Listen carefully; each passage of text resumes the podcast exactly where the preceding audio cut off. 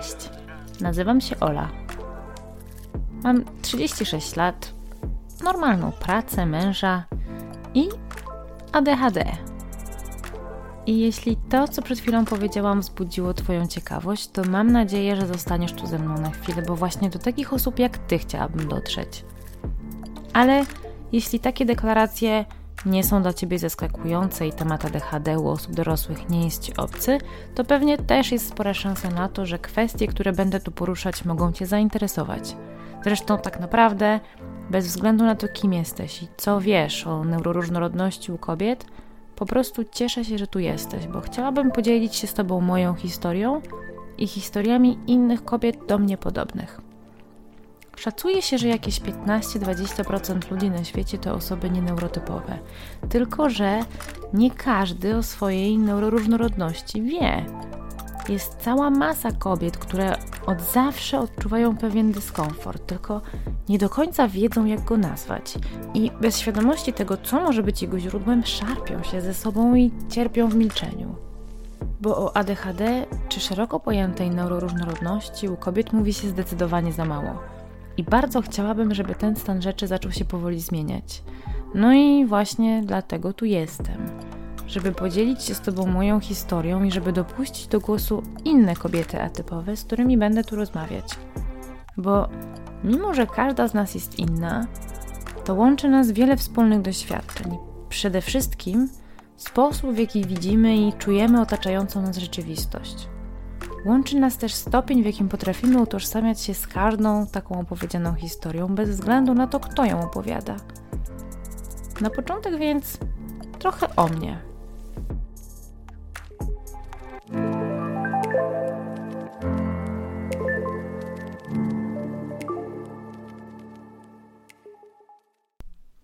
Jako, że ten pierwszy odcinek jest o mnie, to ja się może jeszcze raz przywitam. Cześć! Wiecie już, jak mam na imię i ile mam lat. Wiecie też, że mam ADHD i ogromne poczucie misji. Czyli tak naprawdę dowiedzieliście się o mnie całkiem sporo, jak na około dwuminutowe intro. Ale prawda jest taka, że ja sama się teraz uczę siebie na nowo i przeglądam się sobie pod zupełnie nowym kątem. Bo ja swoją diagnozę usłyszałam już w dorosłym życiu. I to stosunkowo niedawno, bo zaledwie kilka miesięcy temu. Tylko, że na tamtym etapie nie była ona już dla mnie żadnym zaskoczeniem. Wręcz przeciwnie. Była raczej zwieńczeniem wielomiesięcznych podejrzeń i poszukiwań, które ostatecznie zakończyły się autodiagnozą. No ale jak ja do niej w ogóle doszłam? Gdzieś na początku pandemii zaczęły do mnie docierać pierwsze informacje na temat tego, że ADHD u osób dorosłych w ogóle istnieje i jak, jak może się objawiać. Zapaliła mi się pierwsza lampka – ale szybko zaczęłam wypierać myśli o tym, że to może być w ogóle o mnie, no bo ja przecież nie jestem tym niegrzecznym chłopcem, który biega po klasie i przeszkadza swoim kolegom i koleżankom. No, może i byłam głośnym dzieckiem, którego wszędzie było pełno, które zawsze lubiło głośno śpiewać i tańczyć, ale bez przesady. A potem trafiłam na filmik na YouTubie – i dopiero kiedy usłyszałam całą listę symptomów ADHD u dorosłych kobiet, to zaczęły mi się w głowie łączyć ze sobą wszystkie możliwe kropki.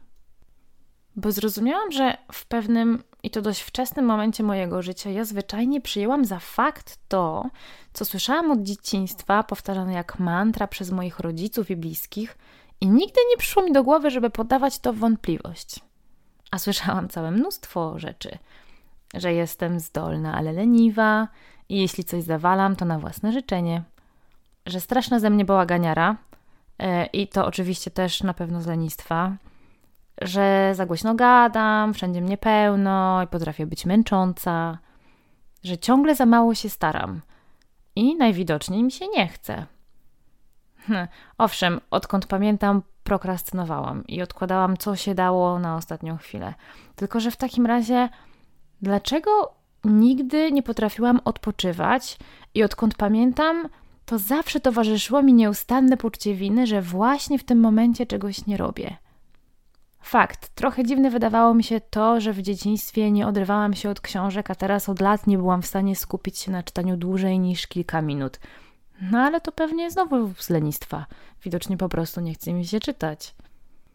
Tylko, że ja tak bardzo chciałam chcieć i tak bardzo chciałam móc. I nie wiedziałam, że to, że ciągle mam w głowie dyskotekę i że mam problem z kontrolowaniem emocji, to są symptomy, na które należało zwrócić uwagę. Myślałam, że wszyscy tak mają i że to zupełnie normalne. I dopiero ten filmik na YouTubie uświadomił mi, mi, że tak nie jest. I wtedy z moimi wątpliwościami poszłam do mojej terapeutki. Niestety teraz już wiem, że nie był to najlepszy pomysł i w zasadzie to ona prawie odwiodła mnie od pomysłu na dalsze szukanie pomocy. Bo mimo, że jest naprawdę świetną specjalistką w swoim zawodzie i serio pomogła mi poradzić sobie z wieloma innymi kwestiami, tego nie mogę jej odebrać. No ale niestety nie posiadała niezbędnej wiedzy, która pozwoliłaby jej rozpoznać sedno moich problemów, a później mnie w odpowiednią stronę pokierować.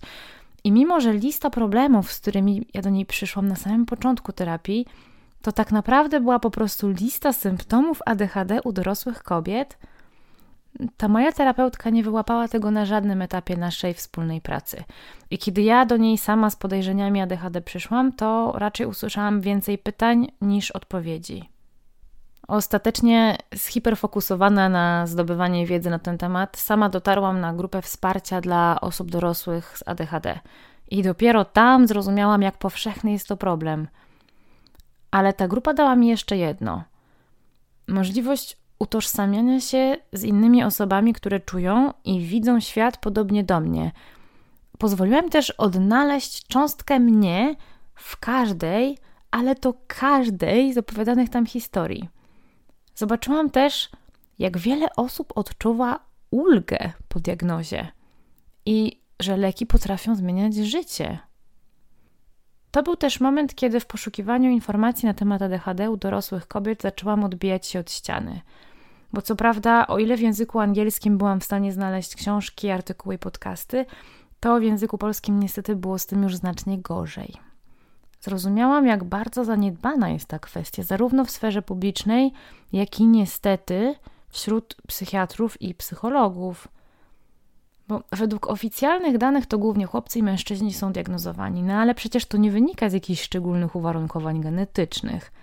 No w dużej mierze dlatego, że kryteria diagnostyczne opracowywane są w oparciu o badania, które oczywiście przeprowadzone są na chłopcach i mężczyznach. No a poza tym dziewczynki są też inaczej socjalizowane, bo my jeśli nie chcemy być wykluczone, to musimy być grzeczne. No i właśnie dlatego wiele dorosłych kobiet z ADHD łączy jedna ważna rzecz. To, że ze względu na wysoki stopień maskowania naszych symptomów udaje nam się oszukiwać system i latami żyć poza zasięgiem jakichkolwiek podejrzeń.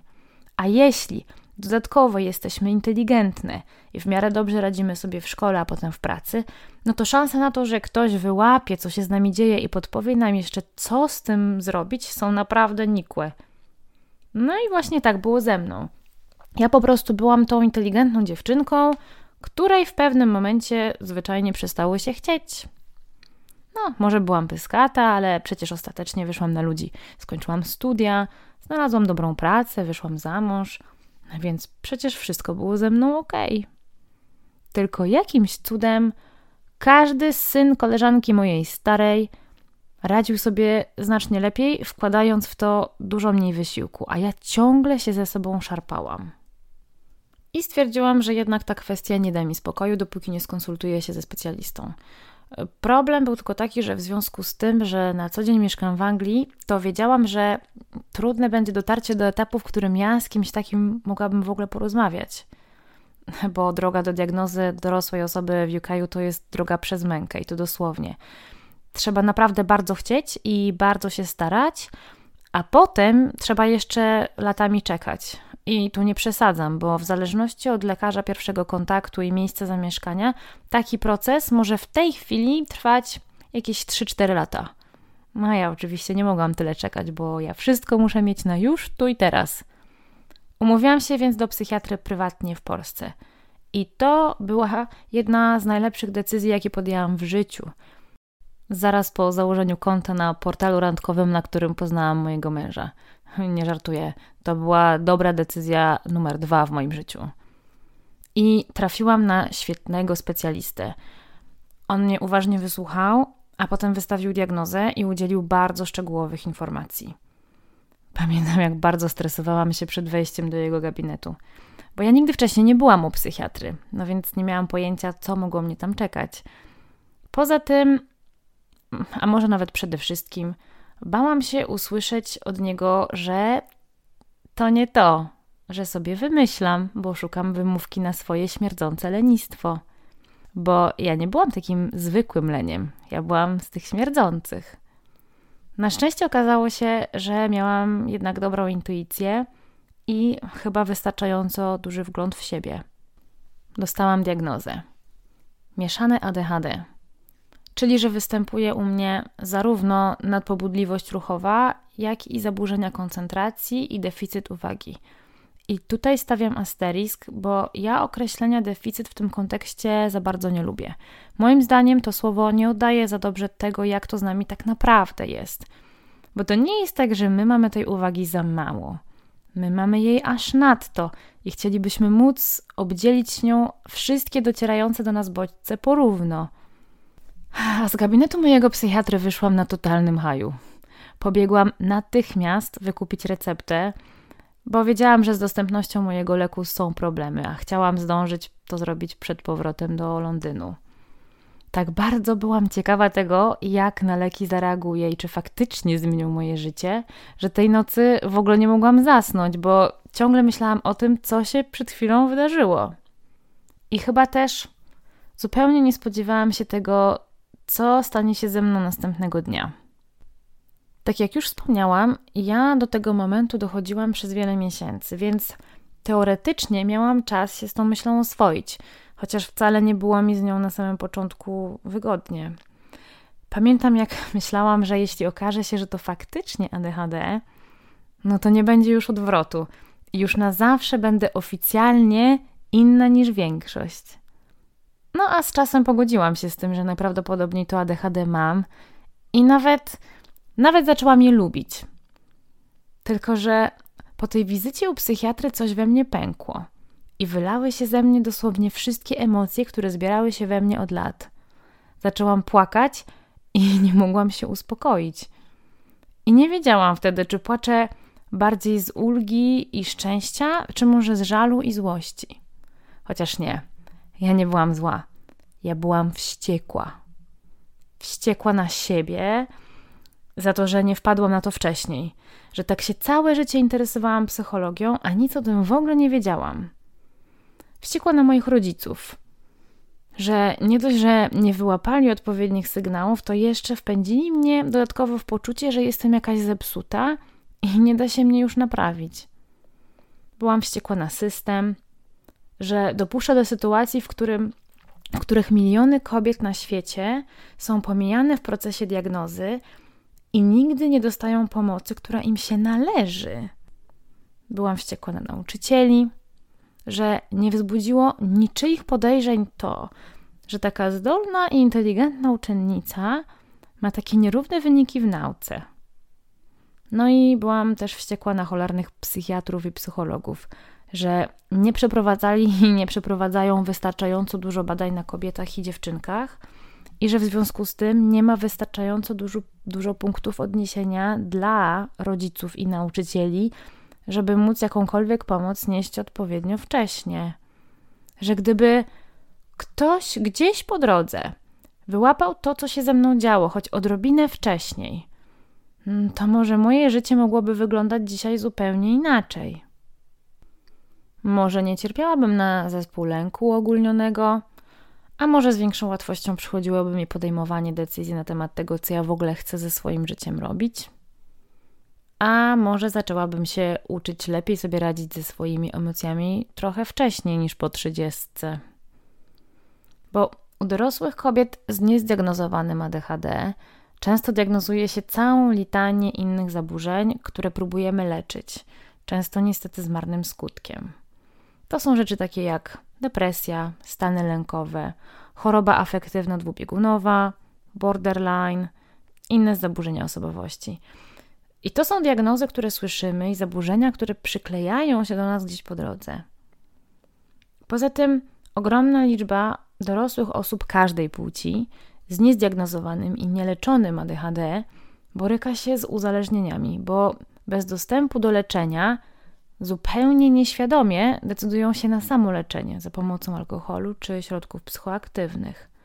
I ja co prawda nigdy w tę pułapkę nie wpadłam, na szczęście, ale moja re relacja z alkoholem wcale nie należała do najzdrowszych przez wiele długich lat. I właśnie chyba z tej wściekłości i frustracji zrodził się pomysł na ten podcast. Bo istnieją audycje o kobietach neuroróżnorodnych dla kobiet neuroróżnorodnych w innych językach, ale nie istniało nic po polsku. Na grupie dla dorosłych z ADHD ciągle pojawiały się te same pytania. Czy wy też macie tak, że? Albo czy to normalne, że? Jak sobie radzicie kiedy? Mnie na drogę diagnozy naprowadził filmik na YouTubie. I wiem, że jest całe mnóstwo osób, które dochodzą do autodiagnozy i potem może i oficjalnej diagnozy dzięki TikTokowi. Jest w nas ogromna potrzeba dotarcia do głosów innych osób neuroróżnorodnych, tylko że bardzo mało jest miejsc, w których takie głosy można usłyszeć. Możliwość zweryfikowania moich doświadczeń z innymi ADHD-owcami to było coś, czego bardzo potrzebowałam, zwłaszcza na początku. To, że mogłam przeczytać, że mnóstwo innych osób, tak jak ja, 10 razy dziennie wchodzi do pokoju, nie pamiętając już po co do niego weszło, sprawiło, że nie czułam się już w tym wszystkim taka samotna. Ta grupa dała mi pewne poczucie przynależności. Ja nie miałam w swoim najbliższym otoczeniu osób, które zostały zdiagnozowane i o swoim ADHD wiedzą. Mam natomiast kilka osób, zwłaszcza najbliższych mi kobiet, które wykazują podejrzanie sporo znanych mi cech. I kiedy zapytałam o to mojego psychiatrę, zapytałam go to, jak to jest, że odkąd zaczęłam u siebie ADHD podejrzewać, to nagle zaczęłam też mieć wrażenie, że otaczają mnie tylko i wyłącznie ludzie nieneurotypowi. I usłyszałam, że to akurat całkiem normalne, bo osoby neuroróżnorodne lubią dusić się w sosie swojej neuroróżnorodności. Często wychodzą za mąż albo żenią się między sobą, no a potem z tych związków rodzą się neuroróżnorodne dzieci, które wychowują się w takich oto neuroróżnorodnych rodzinach. I w naturalny sposób później my, te dzieci, lgniemy do osób, które widzą świat w sposób podobny do naszego i do takich, które łączą z nami podobne doświadczenia. Ale jest nam też trudniej odnaleźć się w świecie przystosowanym do sposobu funkcjonowania neurotypowej większości. I wielu i wiele z nas bywa przez tę większość odrzucana. To są właśnie powody, dla których dziewczynki internalizują swoje objawy, żeby tego odrzucenia uniknąć. I właśnie stąd biorą się u nas później nasze depresje, stany lękowe i wiele innych zaburzeń. Dlatego ja chciałabym zaoferować Wam takie bezpieczne miejsce, do którego można przyjść i posłuchać o tym, że inni też tak mają i o tym, jak można sobie z tym radzić. I że właśnie w ogóle sobie z tym radzić można. Będę tu zapraszać do rozmowy kobiety z ADHD i nie tylko. Kobiety w różnym wieku, wykonujące przeróżne zawody, które przeszły przeróżne drogi i będziemy rozmawiać o tym, jak ich neuroróżnorodność na nie wpływała na różnych etapach, o ich drodze do diagnozy, ale też o tym, dlaczego niektóre z nich na pójście do psychiatry się nie zdecydowały. I jeśli ty nie masz diagnozy, ale to, o czym tutaj usłyszysz, będzie dla ciebie brzmiało podejrzanie znajomo, to mam nadzieję, że zaopiekujesz się sobą i wykonasz ten pierwszy krok w kierunku pójścia po pomoc, bo każda z nas na to zasługuje. A tymczasem wielkie dzięki za wysłuchanie mojego pierwszego odcinka. Muszę przyznać, że nie było dla mnie łatwe dzielenie się z zupełnie obcymi osobami niektórymi dość intymnymi szczegółami z mojego życia, ale taki jest trochę pomysł na ten podcast, bo chciałabym też, żeby moje gościnie również opowiadały mi o tym, jak im ze sobą było, jest. I zresztą ja sama będę tutaj niejednokrotnie dalej o sobie opowiadać. Mam więc nadzieję, że słyszymy się w kolejnym odcinku, do którego zaproszę już moją pierwszą rozmówczynię. Także do usłyszenia. Cześć.